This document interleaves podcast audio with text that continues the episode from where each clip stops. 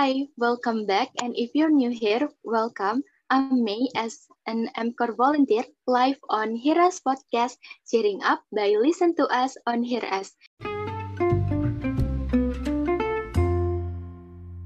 Gimana nih kabarnya listener semua? Hope you guys are doing well, terutama untuk anak-anak UIN Jakarta yang baru aja menyelesaikan minggu pertama kuliahnya nih di semester ganjil, pasti udah banyak banget nih tugas yang menunggu.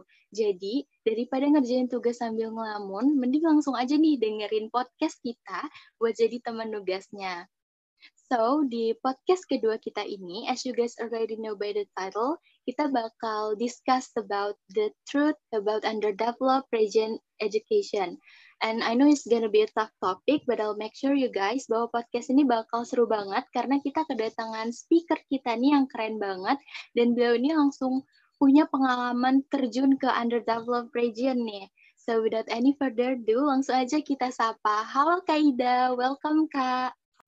Halo guys, uh, what's up? Hope you are all doing great. Oke okay, Kak Ida, gimana nih kabarnya Kak Ida setelah KKN? Dengar-dengar sempat sakit ya Kak? jet lag atau gimana nih kak?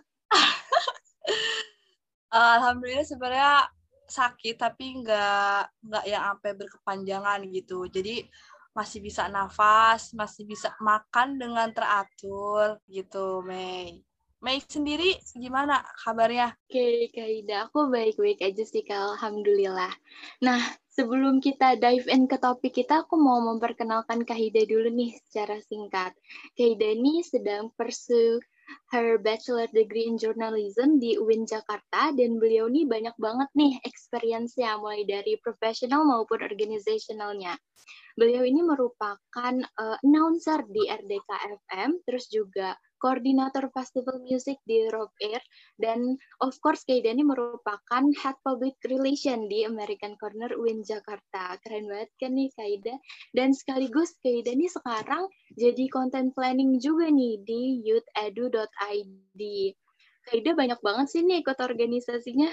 Gimana sih cara bagi waktunya? Keren banget nih. Mungkin Kaida nanti di next podcast kita bisa undang lagi nih Kak ini punya segudang experience nih yang mau dibagiin ke kita dan beliau ini baru aja terjun langsung ke desa Cikareo Banten untuk menjalankan KKN-nya. Nah, Kak nih aku langsung aja ke podcastnya. Speaking of KKN, kenapa nih Kak bisa ngelakuin KKN di desa Cikareo dan kenapa sih desa Cikareo yang dipilih Kak? Aku langsung jawab aja kali ya teman-teman. Jadi kenapa aku bisa ke Cikareo padahal lagi pandemi apalagi waktu itu lagi PPKM itu aku ikut suatu organisasi yang emang dia berbasis kepada sosial dan pengabdian di pelosok. Fokusnya adalah ke pengajaran mengajar anak-anak SD biasanya.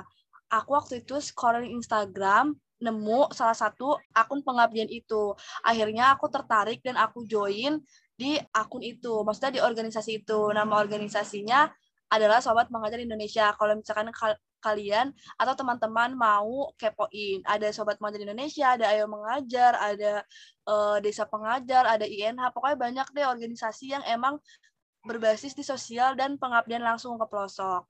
Kenapa aku memilih itu juga? Karena aku bosan banget gitu pandemi ya kan di rumah terus apa apa online akhirnya aku memutuskan dengan berani gitu walaupun waktu lagi ppkm ikut ke sana waktu itu tapi kita ke sana itu juga uh, sebelum ke sana tuh di tes web dulu. Jadi nggak nggak sembarangan langsung ke sana. Kita waktu itu isolasi dulu selama dua minggu. Habis isolasi kita tes web baru berangkat ke sana uh, dengan sistem kebagiannya di situ sih. Jadi udah ditentuin dari si organisasi ini tempat-tempatnya gitu. Oh oke okay, Kak sih. Jadi kakak ikut organisasi gitu ya. Jadi nanti menyalurkan kakak ke daerah-daerah itu jadi kayak volunteer gitu ya Kak? Iya betul. Nah itu kegiatan selama aku di Cikareo gitu, itu aku jadikan laporan KKN teman-teman. Jadi seperti itu. Karena aku bosan banget ya mungkin banyak juga nih yang semester 6 atau naik ke semester 7 itu mau KKN pasti online gitu ada beberapa kampus itu online termasuk kampus aku. Nah, aku menyiasa menyiasatinya dengan itu. Kan seru ya. Kayak seru aja gitu aku suka gitu. Aku pengen tahu gimana sih pelosok tuh beneran sepelosok itu, terus pendidikannya tuh seperti apa. Aku seneng sih. Dan kerennya Kak Hida tuh kepikiran aja gitu untuk volunteer sekaligus langsung kayak KKN gitu loh. Iya benar-benar. Selama satu bulan ini tuh aku berhenti dulu gitu di organisasi terus juga di organisasi di volunteer yang lain tuh aku berhenti dulu. Akhirnya ternyata bisa juga gitu mereka uh, memaklumi karena kan emang KKN gitu kan jadi ya udahlah sekalian aja gitu teman-teman. Nggak tahu itu itu mungkin lagi overthinking sih biasanya lagi overthinking terus aku kayak nyari-nyari kan KKN di mana ya? Walaupun teman-teman aku ada yang ngajak cuma tuh aku pengen yang challenging gitu pengen yang menantang. Aku tuh pengen kayak ah bisa kali ya Kayaknya sih bukan dari overthinking nih Kak Ida, tapi critical thinking sih menurut aku keren banget. ya bisa-bisa jadi dah. Eh ini ada ininya nggak sih nama panggilan buat pendengarnya apa nih? Sih kita panggil baru listener aja sih Kak. Oh ya, gitu listeners. Gak ada sih di sana itu pas aku datang nih ya tem listeners jadi aku datang di sono masyarakatnya tuh emang sangat welcome tapi nggak pada pakai masker. Nah terus karena aku awalnya pakai masker gitu aku langsung buka. Jadi kalau kita kan orang di sini yang nggak pakai masker adalah minoritas gitu. Tapi kalau di sono orang pakai masker nggak ada corona mereka tuh biasa aja gitu. Kayak kayak kita hidup di zaman tahun 2019. Nah, tuh kan nggak pada pakai masker, terus ya udah main-main aja gitu, batuk-batuk aja. Seperti itu sih suasana di sono. Dan aku dengar juga kan di Banten pedalaman tuh emang kayak COVID tuh angkanya nol sih. Itu antara mereka enggak di tracing atau emang karena jarang ada yang ke sana juga jadi nggak ada mobilitas yang bawa COVID-nya sih. Ya nggak sih Kak Hida? Ya, Iya, iya bisa jadi. Tapi biasanya tuh waktu itu aku pernah dengar sih dari warga, dari bapak aku, hospem aku, uh, dia sih bilang menyatakan gitu, kayaknya mah ada, cuma nggak nggak dipeduliin aja gitu. Jadi masyarakatnya ya udahlah, cuma batuk biasa. Mungkin ada gitu itu COVID ya, kalau di tes swab itu COVID, tapi mereka nggak melakukan itu dan dan ya udah menganggap hal itu sakit aja gitu. Lagi juga emang ini sih kalau di desa aku tuh jarang gitu yang ke situ karena emang transportasinya eh aksesnya yang susah. Oh, oke okay, oke. Okay. Oke, okay, Kak. Karena tadi Kak Hida mention transportasinya yang susah nih, gimana sih first impression Kak Hida nih terhadap lokasi KKN Kakak? First impressionnya adalah takut bener. Kenapa uh, takut? gelap banget gitu. Jadi pas pokoknya aku sering banget itu naik motor pas udah mau masuk desa aku itu tuh aku beneran turun karena takut walaupun dipaksa gitu ya sama yang bawa gitu. Nggak apa-apa naik aja. Aku tetap tetap aku turun lebih baik aku turun aku jalan di situ sampai keringetan. Karena beneran takut itu. Dan kan naik motor ya itu bawa barang tuh banyak. Aku bawa donasi dua karung. Bayangin deh bawa donasi dua karung de depan tuh depan tuh donasi yang karung yang gede, oh itu kardus terus aku bawa tas carrier gitu. Ih, coba deh kalian bayangin gitu. Aku bawa barang. Itu pokoknya aku jalan juga bawa barang gitu, bawa bawa kardus, bawa tas carrier. Itu menurut aku hal yang apa ya? Hal yang menakutkan dan beneran bikin capek banget itu aku udah yang kayak hopeless banget yang kayak capek banget sampai teman aku tuh ada listeners uh, jadi pas udah ini untungnya udah sampai sih udah sampai gitu uh, dia tuh ditawarin gitu kan dia kan lagi jalan nih ditawarin sama yang bawa motor ayo naik aja nggak mau nih si orang ini teman aku. Nggak apa-apa naik aja biar cepet naiklah dia ke motor karena dipaksa. Nggak lama pas pas jalan nih motornya dia kejebur di di apa ya uh, itu tuh sumur gitu. Tapi sumurnya bukan sumur yang kita biasa yang bulat itu. Sumurnya tuh kayak sumur pemandian gitu loh. Uh, tahu nggak sih kalau di kampung kan suka ada pemandian terus kan ada air gitu kan kosong. Nah dia jatuh di situ. Untungnya yang nggak terlalu dalam gitu. Motornya jatuh. Motornya gede banget lagi. Orangnya juga dua tuh masanya gede ya badannya tuh gede. Jadi mereka berdua jatuh terus bawa barang bawaannya gitu donasi waktu itu satu karung itu juga jatuh. Itu sih kalau aku first impressionnya untuk jalan tuh sangat amat menakutkan bahkan nggak recommended gitu. Kalau misalkan kalian mau ke tempat aku di saat musim hujan mendingan jalan karena orang sana gitu orang sana kalau misalkan hujan gitu habis dari mana nih dia naruh motornya tuh di kampung sebelah jadi nanti ke kampung akunya gitu ke kampung mereka tuh jalan Nah, itu first impression untuk di jalan. Tapi kalau misalkan first impression untuk warganya, aku sangat uh, pengen tepuk tangan gitu ya kenceng. Kenapa? Karena mereka tuh respecting dan welcoming banget gitu sama orang baru gitu. Padahal kan kita kan dari kota gitu ya bawa takutnya kan kita bawa pisau atau apa gitu. Tapi mereka tuh enggak mereka tuh baik banget. Bahkan kayak pagi gitu udah di, udah dianterin beras atau kayak misalkan makan opak tuh khasnya. Terus juga kadang suka bawa sayuran genjer daun singkong. Kalau misalkan mereka punya ikan asin dia bawa ikan asin gitu sih itu sih first impression untuk warganya. Panjang ya? Enggak sih kak tapi emang pasti panjang banget sih karena kan juga saya kayak vibesnya itu kan beda banget ya dengan kayak kehidupan kita yang terbiasa hidup di kota. Ketika kita ke daerah-daerah kayak gitu yang aksesnya susah tuh pasti bakal amat sangat surprising banget sih.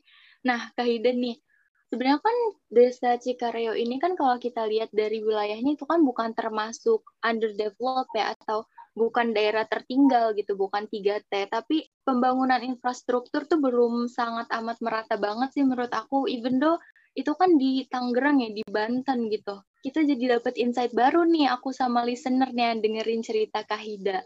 Nah, Kahida nih, gimana sih uh, daily life masyarakat di sana? Tadi kan kakak bilang orang-orangnya welcome, terus juga mereka baik gitu, suka kasih makanan. Itu gimana sih kak daily life masyarakat di sana kak? Culture-nya, terus gimana sih education di sana kak anak-anaknya? Apakah mereka sekolah kayak kita biasa gitu? Tapi uh, sebelumnya dia bukan masuk ke Tangerang sih, Mei. Kabupatennya Kabupaten Lebak kan kalau kita Kabupaten Tangerang, oh. cuma provinsinya Banten. Tuh, baru lagi tuh pengetahuan. Tapi kan aku masih di Jawa ya. Jadi yeah. aku research gitu kan, daerah 3T gitu.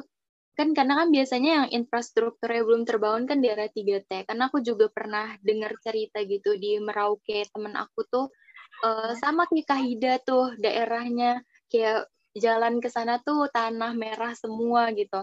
Nah, aku cari ternyata di Jawa tuh Pulau Jawa terutama di kayak Jawa Barat sekitar DKI Jakarta, terus juga Lebak itu tuh bukan daerah tertinggal Kak, tapi pas kita lihat kenyataannya tuh mereka sangat amat membutuhkan pembangunan infrastruktur juga gitu ternyata. Iya, mungkin kalau misalkan di Papua kali pelosok emang lebih parah ya. Kalau di mungkin kalau di tempat kita itu kan dia ada ada sedikit kotanya gitu pasarnya. Mungkin kalau di Papua tuh nggak ada sih kalau menurut aku. Uh, kalau misalkan daily life-nya itu mereka rata-rata emang bukan rata-rata sih listener semuanya itu adalah petani petani dan nyadap gula aren. Jadi untuk bapak-bapak, lelaki gitu di sana tuh mereka setiap pagi itu jam 6, jam 7, jam 8 itu mereka nyadap gula aren. Nah, ibu-ibunya itu dari pagi juga sampai sore sama sampai sore juga bapak-bapak itu kalau ibu-ibunya tuh nyawa ke sawah dari jam 6 biasanya waktu itu tuh kalau ibu aku yang di sono itu dia jam 6 pernah, jam 7 pernah, nanti pulang-pulang sore sampai jam 4. Itu mata pencaharian mereka. Nah, sayangnya adalah di sono tuh petaninya tanggung-tanggung. Kenapa aku bilang tanggung-tanggung? Karena e, mereka tuh menanam gitu ya, punya pohon kopi, pohon kayak buah apa gitu, buah limus, terus juga singkong gitu nggak banyak gitu. Jadi mereka menanam itu semua untuk diri mereka aja gitu di rumah tapi nggak nggak dijual gitu. Kan setengah-setengah gitu kan. Nah terus juga kalau untuk gula aren itu alhamdulillah gitu ada yang mendistributorkannya ada yang ngebawa gitu ke pasar kalau gula aren. Nah sayangnya adalah nih nasi kurang bagus sih cuma masih bisa dimakan gitu. Sayang banget aja sih menurut aku nggak ada yang menyalurkan gitu. Soalnya setiap aku visiting gitu ke rumah warga gitu pasti di rumahnya tuh ada ini ada karungan gabah gitu atau pare. Itu nasi gitu ya eh, beras tuh bisa untuk seumur hidup kayaknya itu mereka sampai ke cucu-cucu karena banyak banget. Dan bahkan tuh sampai mereka tuh pernah makan kayak nasinya tuh udah hitam apa kuning gitu karena saking kelamannya disimpan itu sih kalau educationnya sih beda banget sih. Ini literally beda gitu sama kita. Jadi tuh aku kan ngajar SD ya, karena di kampung aku tuh yang dekat SD, SMP tuh jauh dan SMA pun jauh. Aku kaget pas ngajar gitu menemukan gitu banyak siswa yang dia kelasnya udah kelas 5, kelas 4, bacanya belum lancar dan ada kelas 5 yang belum terlalu mengenal huruf. Jadi ini kelas 5, kelas 6 tuh baca masih kayak gini nih. Aku bukan Superman gitu. Itu kelas 5 kelas 6 dong. Eh loh, dulu tuh kayaknya kita kelas 2 udah bisa baca lancar nggak sih? Apa kelas 3 ya? Iya, aku kalau aku dari mau masuk SD juga udah bisa lancar tau karena kan masuk SD itu kan ada tes bacanya loh, Kak. Oh, iya ya, dulu kita emang udah udah lancar gitu kan kalau baca SD ya? Iya, betul. Ah, kalau di sana tuh uh, ya susah gitu. Maksudnya aku kaget banget gitu kelas kelas 5, kelas 4, kelas 6 tuh baca masih kayak gitu. Bahkan menghitung ya, ini parah sih. Aku kan aja aku tuh sebenarnya megang empat kelas. Kelas satu sama kelas empat. Kan pusing banget gak sih listener coba deh bayangin. Nih ngajar kelas satu sama kelas empat dan kelasnya digabung. Beneran digabung kelas satu sama kelas empat itu aku beneran bingung banget kan awalnya ngajar. Akhirnya tuh aku suruh semuanya nulis. Entah itu kelas satu sampai kelas empat. Jadi nanti mereka fokus nulis aku ngajarin mereka baca gitu. Cara baca cara pengejaan mereka itu beda sama kita. Kalau kita baca kamu baca hak gimana Meg? Hak kan? Iya Betul. H. Dia cara abjadnya gitu, cara ejanya tuh kayak masih zaman dulu. Jadi H tuh dibaca eh. Tapi aku agak tahu sih kak tentang kayak pembacaan gitu karena zaman sekarang kak aku kemarinnya lihat kayak parenting gitu kan cara ngajarin anak baca dan tulis ternyata itu dipakai lagi loh kak cara itu itu tuh namanya phonetic alphabet gitu kak jadi anak sebenarnya bakal lebih mudah untuk uh, menulis ketika kita uh, ngomong suatu kata terus mereka minta uh, mereka menuliskan kata tersebut itu sebenarnya bakal lebih memudahkan mereka. Tapi balik lagi karena an tiap anak kan beda-beda ya. Mungkin uh, kita nih yang udah terbiasa kayak A B C gitu mungkin akan lebih uh, cepat kayak gitu. Dan ya. ada beberapa anak yang lebih cepat kayak yang Kak Hida bilang kayak tadi sih itu sebenarnya kita mungkin harus digali lagi nggak sih kak? Kayak anak-anak di sana tuh lebih prefer yang mana gitu? Uh, enggak, se mereka semua rata abjad tuh masih pakai abjad yang zaman dulu karena gurunya tuh cuma satu, namanya Pak Eli. Nah, satu doang dia udah ngajar sama 32 tahun. Kal uh, kalian bayangin deh, itu guru cuma satu udah ngajar 32 tahun, pasti ilmu yang Pak guru ini berikan ya masih yang kayak zaman dulu gitu. Beneran ini tuh kayak uh, masih yang kayak apa ya? Ngitung aja tuh agak lambat. Ber mereka tuh sebenarnya semangat belajar tinggi. Cuma uh, pas udah di sekolah tuh mereka main-main gak fokus. Kelas 3 aja aku waktu itu ngetes kayak pengurangan gitu penjumlahan tuh masih masih belum bisa. Pokoknya aku melihat itu sih agak sedikit sedih banget gitu. Aku terus aku di situ tuh bertekad gitu kan kayak aduh gimana nih biar anak ini bisa baca. Tapi dari segi anak-anaknya pun mereka tuh uh, lebih suka main daripada belajar. Ketika waktu itu kita udah belajar nih agak sedikit lama mungkin mereka bosan pasti mereka tuh minta games. Jadi pelajaran yang sebelumnya tuh mereka masa bodoh amat. Mereka kayak ya udah bu games aja bu games gitu. Semangat mereka tuh tinggi banget sampai bahkan mereka jam 6 pagi tuh udah berangkat. Jam 6 pagi tuh mereka bangun sampai sama teman-temannya langsung berangkat ke sekolah.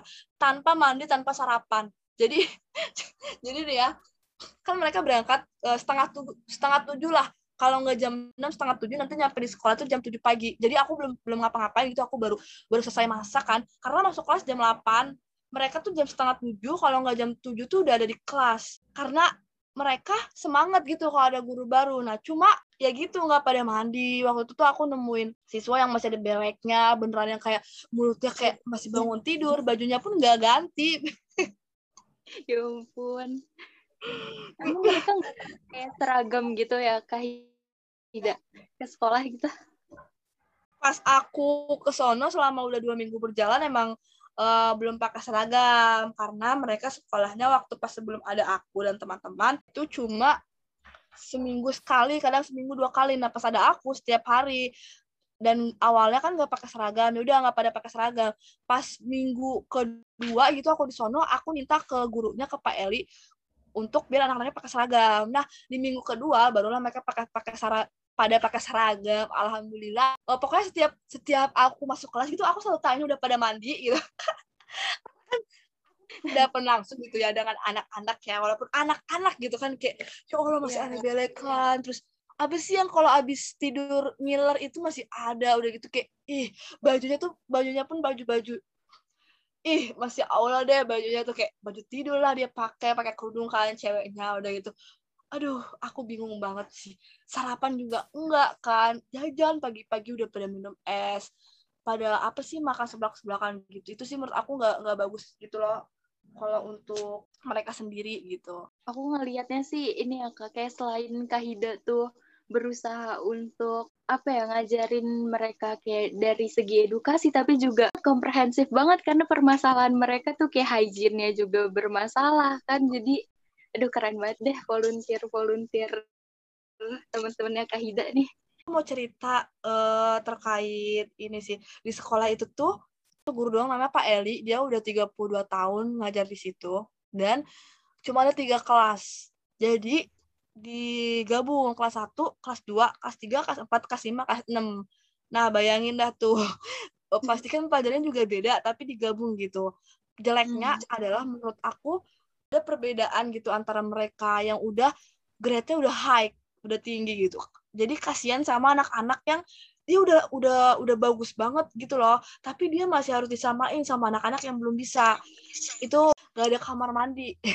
Jadi kalau misalkan anak-anak mau kencing tuh izin gitu ya bu.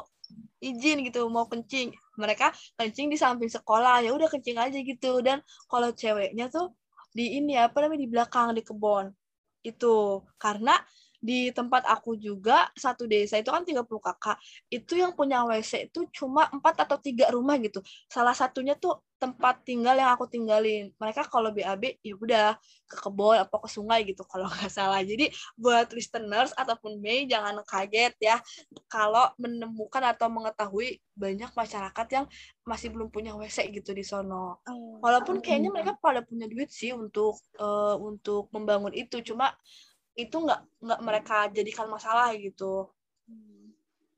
Oke okay, oke. Okay. Tadi aku uh, dengar sih kakak tuh mention tentang infrastruktur sarana prasarana di sekolahnya gitu yang nggak ada toilet dan lain sebagainya dan ternyata nggak cuma di sekolahnya juga tapi juga di rumah-rumah masyarakatnya juga jarang banget yang punya toilet ya kak.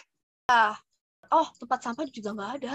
Um, uh, waktu itu aku bawa trash bag sih tapi itu buat di sekolah. Waktu itu kenapa aku nanya bukan nanya sih waktu itu ada alumni sebelumnya nanya pak kenapa nggak ada tempat sampah? Gitu. Waktu itu bapak bilang nggak ada buat ngebuangin nggak ada nggak ada tempat pembuangan yang untuk untuk semuanya gitu Mei. Ngerti gak sih? Apa sih namanya hmm, tuh?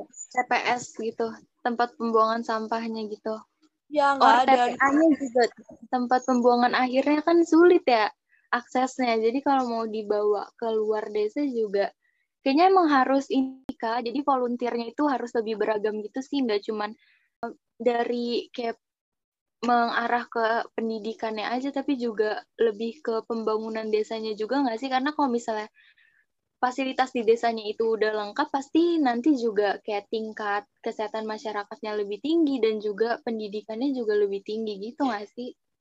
Harus Ini setangkap aku dari cerita Kahida ya. Hmm, harusnya gitu. Nah, cuma kan waktu itu kan aku kan ikut komunitas itu tuh berarti aku dong yang mengikuti program mereka. Program mereka adalah lebih ke pembelajaran. Karena waktu itu aku megang dua kampung juga di Cikareo sama di Cibulu. Di Cibulu tuh aku ngajar uh, diniyah, ngajar ngajar agama. Jadi emang kok fokusnya ke pembelajaran. Mungkin kalau misalkan beneran KKN gitu buat pemberdayaan walaupun aku KKN nih tapi aku difokuskan untuk segi pembelajaran Cuma waktu itu aku sama temen aku tuh bawa trash bag. Jadi tempat sampahnya di eh trash bagnya ditaruh di depan sekolah dan waktu itu kita bikin uh, perbedaan antara sampah organik sama non organik. Nah sayangnya waktu itu aku udah bikinkan trash bag gitu digigit anjing karena di sana banyak anjing banget. Tapi at least Kaida udah coba lah ya memperkenalkan ke mereka gitu tentang uh, sampah. Semoga juga bisa berkembang sih pengetahuan mereka dan volunteer selanjutnya nih juga bisa ngebantu mereka lebih memberdayakan desanya. Oke kak, terus aku mau nanya nih. Ada, itu tuh ada Pak Eli, itu pun Pak Eli jauh, dia di desa Cibarengkok, beneran jauh. Jadi kalau misalkan dari tempat aku Ci apa Cikareok tuh ke Cibarengkok tuh berapa desa ya? Bisa ngelewatin empat desa apa lima desa gitu. Dia emang agak agak jauh. Nggak tahu ya kenapa cuma satu. Mungkin uh, orang yang yang mengerti itu mengerti untuk menjadi guru cuma Pak Eli. Karena banyak juga masyarakat yang kayak nggak sekolah. Sekolah cuma SD SMP gitu Pak Eli. Dan dan membutuhkan ini enggak sih? Membutuhkan bukan lebih ke effort ya membutuhkan uh, keberanian yang tinggi gitu. Karena kan jatuhnya sekolah gitu kan cuma ngajar gitu. Padahal masyarakatnya banyak yang punya jadi nyadap gitu gula aren yang lebih besar gajinya. Nah kalau misalkan guru itu cuma berapa? Paling cuma ngarepin uang dari masyarakatnya gitu. Kepala sekolahnya waktu itu tuh nggak pernah datang udah udah dua, udah dua tahun ke situ tapi dia nggak pernah datang dan dan aku lupa banget ngasih tahu sekolahnya itu nggak punya NISN waktu itu ada hmm. ada ada apa ya warga kampus sebelah tuh yang minta tolong ke aku gitu ke teman-teman biar adanya NISN waktu itu kita udah nyampein juga ke Pak Eli cuma nggak tahu sih belum tidak belum ditindaklanjuti terkait NISN tersebut. Itu sih sayang banget ya. Dan emang di sana tuh kayak sekolahnya bukan kayak kita nih Mei. Kalau kita kan kayak uh, kelas 1, kelas 2 gitu kan. Maksudnya iya. walaupun sepinter ya kamu nanti kelas kelas kamu kelas 3 gitu. Kamu pinter banget. Kan gue bertahap kan kelas 4 dulu kelas 5 nah kalau di sana tuh fleksibel aja gitu. Misalkan uh, si Sandi gitu ada namanya Sandi. Dia kelas 2 nih kelas 2 dia udah bisa baca kan. Itu keren banget lah. Menurut aku kelas 2 di sana udah bisa baca. Karena kelas 3 nya mengenal huruf tuh masih banyak yang belum bisa. Itu bisa gitu. Langsung dinaikin kelas 4 aja udah. Itu bisa. Sumpah sih kayak bener-bener gradingnya jadi nggak jelas gitu ya kak. Tapi tadi nah. aku denger juga sih kak Hida bilang kayak kepala sekolahnya terus juga guru cuma satu. Itu tuh sekolahnya tuh kayak nggak kayak kita gitu ya kayak ada sekolah negeri gitu kak atau kayak gimana? Tuh kayaknya sih negeri SDN soalnya SDN SDN dua Cikadong SDN dua Cikadongdong filial. Jadi tuh sekolah sekolah apa ya sekolah cabang pusatnya tuh ada di Cisareat itu cabangnya hmm. kalau nggak salah sih gitu. Oke kalau tadi kan kak Hida bilang ya uh, kayak gurunya cuma satu gitu. Kalau aku lihat juga berdasarkan kayak research aku nih aku tadi baca jurnal gitu kak. Kayak emang di kalau kita mau get rid of masalah kayak gini nih daerah-daerah tertinggal dengan edukasi yang rendah tuh emang harus benar-benar pemerintah yang turun tangan sih karena mereka yang harus benar-benar nyalurin guru ke daerah tersebut. Dan kayak gimana sih kita tuh sekarang kayaknya banyak banget kayak ASN yang ditempatin di daerah terpencil yang nantinya malah mutasi ke daerah perkotaan. Kan sama aja gitu ya. Terus gimana caranya uh, daerah yang tertinggal itu mau terbangun? Kalau misalnya ASN-nya aja tuh nggak ada kesadaran dirinya gitu untuk uh, bareng-bareng ngebangun daerah tersebut. Dan salah satu ininya sih solusinya yaitu sih memperbesar intensif untuk ASN-ASN jadi mereka punya keinginan untuk abdi ke daerah-daerah yang kayak gitu kak. Yang kayak desa Cikareo yang bener-bener jalannya aja sulit dan infrastrukturnya kurang. Menurut aku kayak gitu sih kita next kali ya kak ke pertanyaan berikutnya soalnya kita udah banyak banget nih ngomongin tentang desa Cikareo dan sekolahnya ada nggak sih kak uh, culture mereka tuh yang unik banget gitu yang culture-nya tuh kayak bertentangan sama program pendidikan Listener penasaran dengan podcast kita? Dengarkan Hiras Podcast di Spotify. Podcast by American Corner, UIN Jakarta.